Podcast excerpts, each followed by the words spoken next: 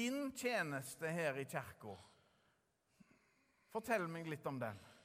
Eh, først og fremst så er det jo sjømannskirka jeg har hovedansvaret for sammen med deg. Ja, Men så er det òg litt kontorarbeid. Og så er jeg òg med på stabsmøtene og alle kurs. ja. Og så er du steikjende god til å ringe. Ja, Ja, det er jeg òg. ja ringe og spørre folk, vet du. Ja. Ja, Det er nesten ingen som svarer nei til deg. Hvis de ikke kan, så sier de jo selvfølgelig nei, men, men det er sjelden. Men du, Ivar. Du er hver søndag som en del av din tjeneste her i kirka på gudstjeneste. Ja, hvis jeg ikke er syk eller får besøk. Altså, du er rett og slett oftere til gudstjeneste enn meg. For jeg har jo en frisøndag i måneden, sånn omtrent. Og da må jo meg og Viggo hjelpe vikaren. Ja. Veldig greit. Ja, For du kan det jo veldig godt hva som skal skje, og hvordan det skal gjøres. Ja, Apropos kjenningsmelodi, Ivar. ja, Husker du Arvid? Arvid Vevatn, ja. Ja. Han husker meg godt. Arvid han var jo ofte til gudstjeneste, han òg. Ja, Han satt i rullestol, ja. og så hadde han ikke språk. Han likte musikken med å lage lyd. Ja. Husker du lyden hans?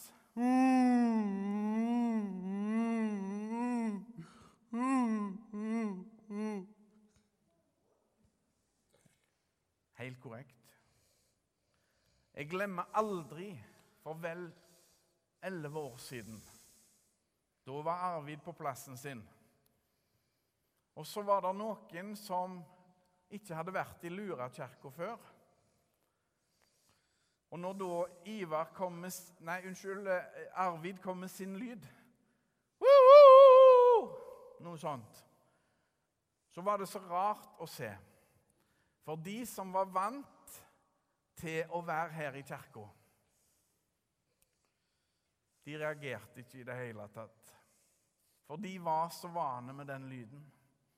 Mens en kamerat fra Bryne, som jeg har, han strakte hals og lurte på hvor i all verdens rike kom den lyden ifra. Hva var det som skjedde? Arvid elska orgelmusikk. Og da kunne det komme noen lyder fra Arvid som var ganske høylytte, slik som du sa, Ivar. Det var hans kjenningsmelodi. Arvids lovsang, om du vil. Den var bare Arvid sin. Og da Arvid døde for noen år siden, da sa tidligere kantor her i Lurakirka, Bergfri Seipt, at hun savna lyden av Arvid i kirka. Og det hun sa der, gjorde et sterkt inntrykk.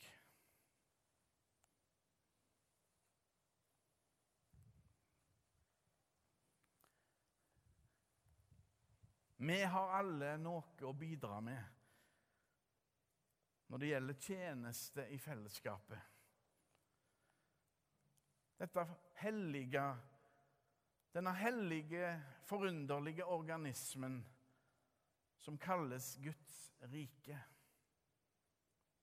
Uansett alder, evner og anlegg er det plass for oss alle. Det er helt fint å komme til kirka og dette fellesskapet og bare få ta imot. Jeg har hørt om lokale kirker som bare overøser nyankomne med oppgaver som skal fylles. Nesten før de har kommet innenfor kirkedøra. Det blir helt feil. For det viktigste når det gjelder Guds rike, er å være en del av det. Det er stort å få være Guds barn. Å gjøre noe å bidra inn i det følger naturlig på det å være en del av det. Først vær, og så eventuelt gjør. Så er det å bare komme til gudstjeneste òg en tjeneste i seg sjøl. Tjeneste i fellesskapet må komme naturlig og ikke være et ork. Vi er alle så forskjellige med ulike interesser. Så derfor er det greit å gå inn i oppgaver som en er interessert i og har lyst til å bidra med. For en stund siden hørte jeg en leder i Den norske, den norske kirka si nå har vi brukt altfor mye tid på å lære folk til å si nei. Nå er det på tide å la folk få svare ja. Med det mente vedkommende at folk må utfordres til noe de har lyst til å gjøre. Noe de får energi av. Gud har ikke bruk for sure frivillige som ser på tjenesten som et ork. Da blir jo de en står i tjeneste for òg sure. Det er jo logisk. Hvis du ikke liker å synge, da går du ikke i kor. Hvis du ikke kan fordra barn, eller tenåringer for den saks skyld, da er du ikke med i barne- og ungdomsarbeidet. Da er du heller ikke konfirmantleder. Hvis du ikke liker å snakke med folk, da er du ikke frivillig på sjømannskirka. Hvis du synes gudstjenester er kjedelig, da engasjerer du deg ikke som frivillig kirkevert eller dåpsvert. Eller klokker, for den saks skyld. Men hvis du er glad i folk på Lura og har omsorg for den enkelte, da kan det være at du blir med på bønnesamling eller i diakonien. Eller om du har sans og talent for økonomi, ledelse og administrasjon. Bli da med i et råd eller et utvalg. Ja, bli med i basarkomiteen. Gå inn og vær i en tjeneste fordi du har lyst til det og får energi av det. Ikke for å plage deg sjøl. Å tjene Gud er å tjene våre medmennesker. Og å tjene våre medmennesker er å tjene Gud. La oss høre teksten fra 1. Korinterbrev, kapittel 12, vers 4-27. Og Når du hører denne teksten, tenk tidløst inn i vår tid. Tenk lura menighet når du hører teksten bli lest. Og hvor viktige vi er for hverandre.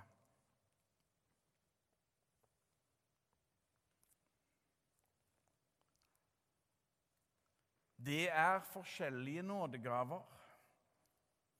Men ånden er den samme. Det er forskjellige tjenester, men Herren er den samme. Det er forskjellige kraftige virkninger, men Gud er den samme. Han som er virksom og gjør alt i alle. Hos hver enkelt gir Ånden seg til kjenne, slik at det tjener til det gode. For ved én og samme ånd blir det gitt én å tale visdom, en annen å formidle kunnskap. Én får ved den ene ånd en spesiell trosgave. En annen får nådegaver til å helbrede. Og én får kraft til å gjøre under. En får den gave å tale profetisk, en annen å bedømme ånder. En får ulike slag av tungetale, og en annen kan tyde tungetale. Alt dette gjør den ene og samme ånd, som deler ut sine gaver til hver enkelt slik han vil.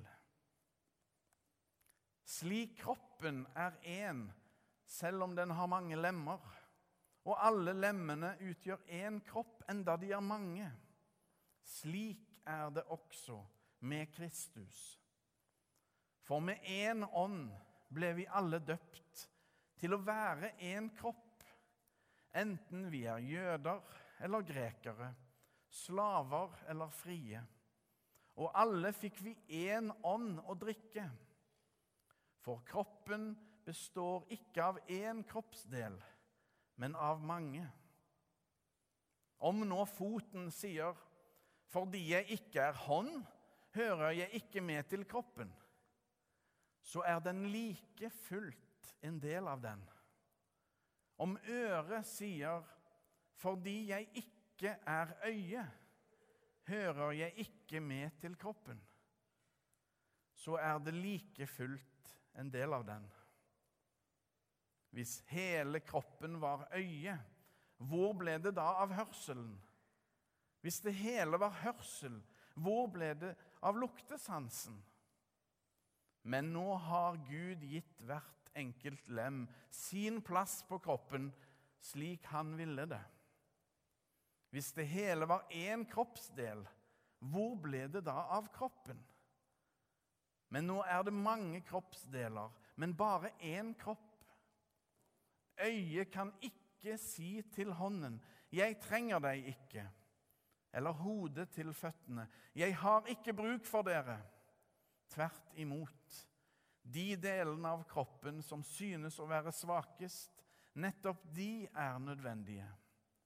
De kroppsdelene som vi synes er mindre ære verdt, dem gir vi desto større ære. Og de delene vi føler skam ved, kler vi desto mer sømmelig. De andre trenger det ikke. Men nå har Gud satt sammen kroppen slik at det som mangler ære, får mye ære, for at det ikke skal bli splittelse i kroppen, men alle lemmene har samme omsorg for hverandre. For om ett lem lider, lider alle de andre med. Og om ett lem blir hedret, gleder alle de andre seg. Dere er Kristi kropp, og hver av dere et lem på ham. Slik lyder Herrens ord.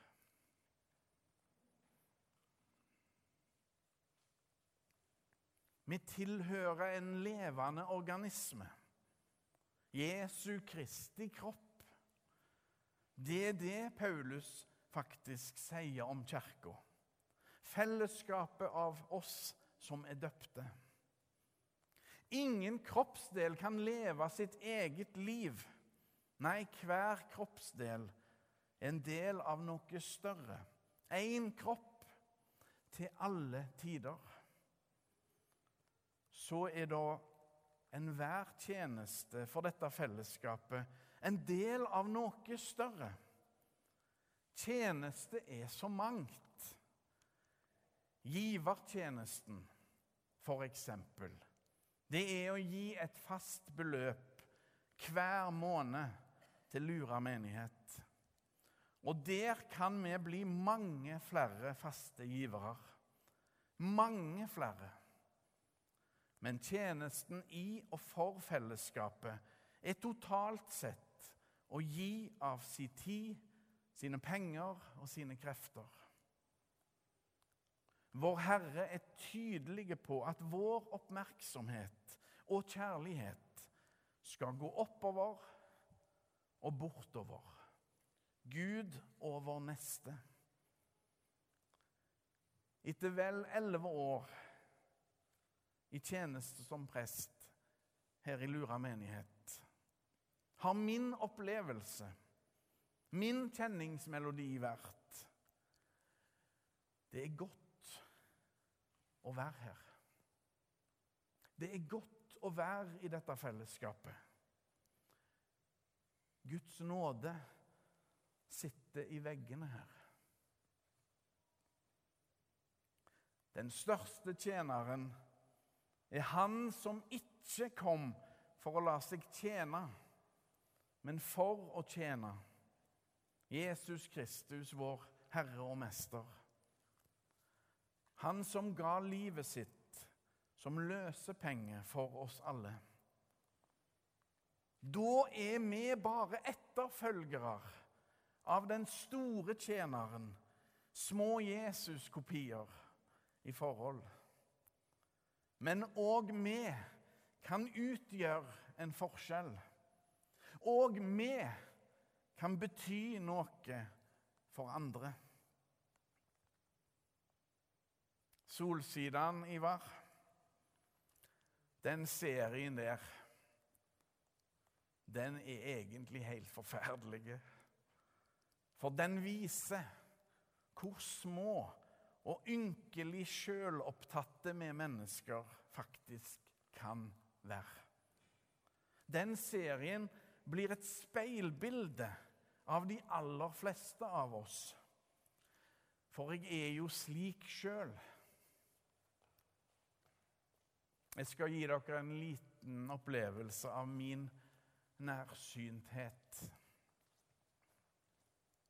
Noen mennesker gjør en stille, men meget viktig tjeneste her i kirkebygget. De har en tjeneste som kun blir sett når han ikke blir gjort.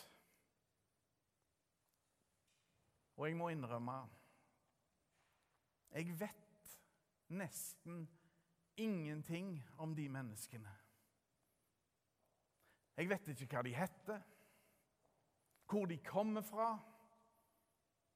eller hvilket språk de egentlig snakker. Jeg er flau over at jeg ikke vet noen ting om de, nesten. Og jeg snakker om de utenlandske rengjørerne her i kirka. Jo da, jeg sier hei hver gang jeg ser de, og de smiler og hilser tilbake oss. De gjør en tjeneste for fellesskapet, en betalte tjeneste. Men det er det òg visse andre som gjør. Å si hei er jammen ikke mye å skryte av. Et lite tankekors. I evangelieteksten som vi leste tidligere nå i gudstjenesten, oppsummerer vår Herre og Mester hva tjeneste i fellesskapet betyr i praksis.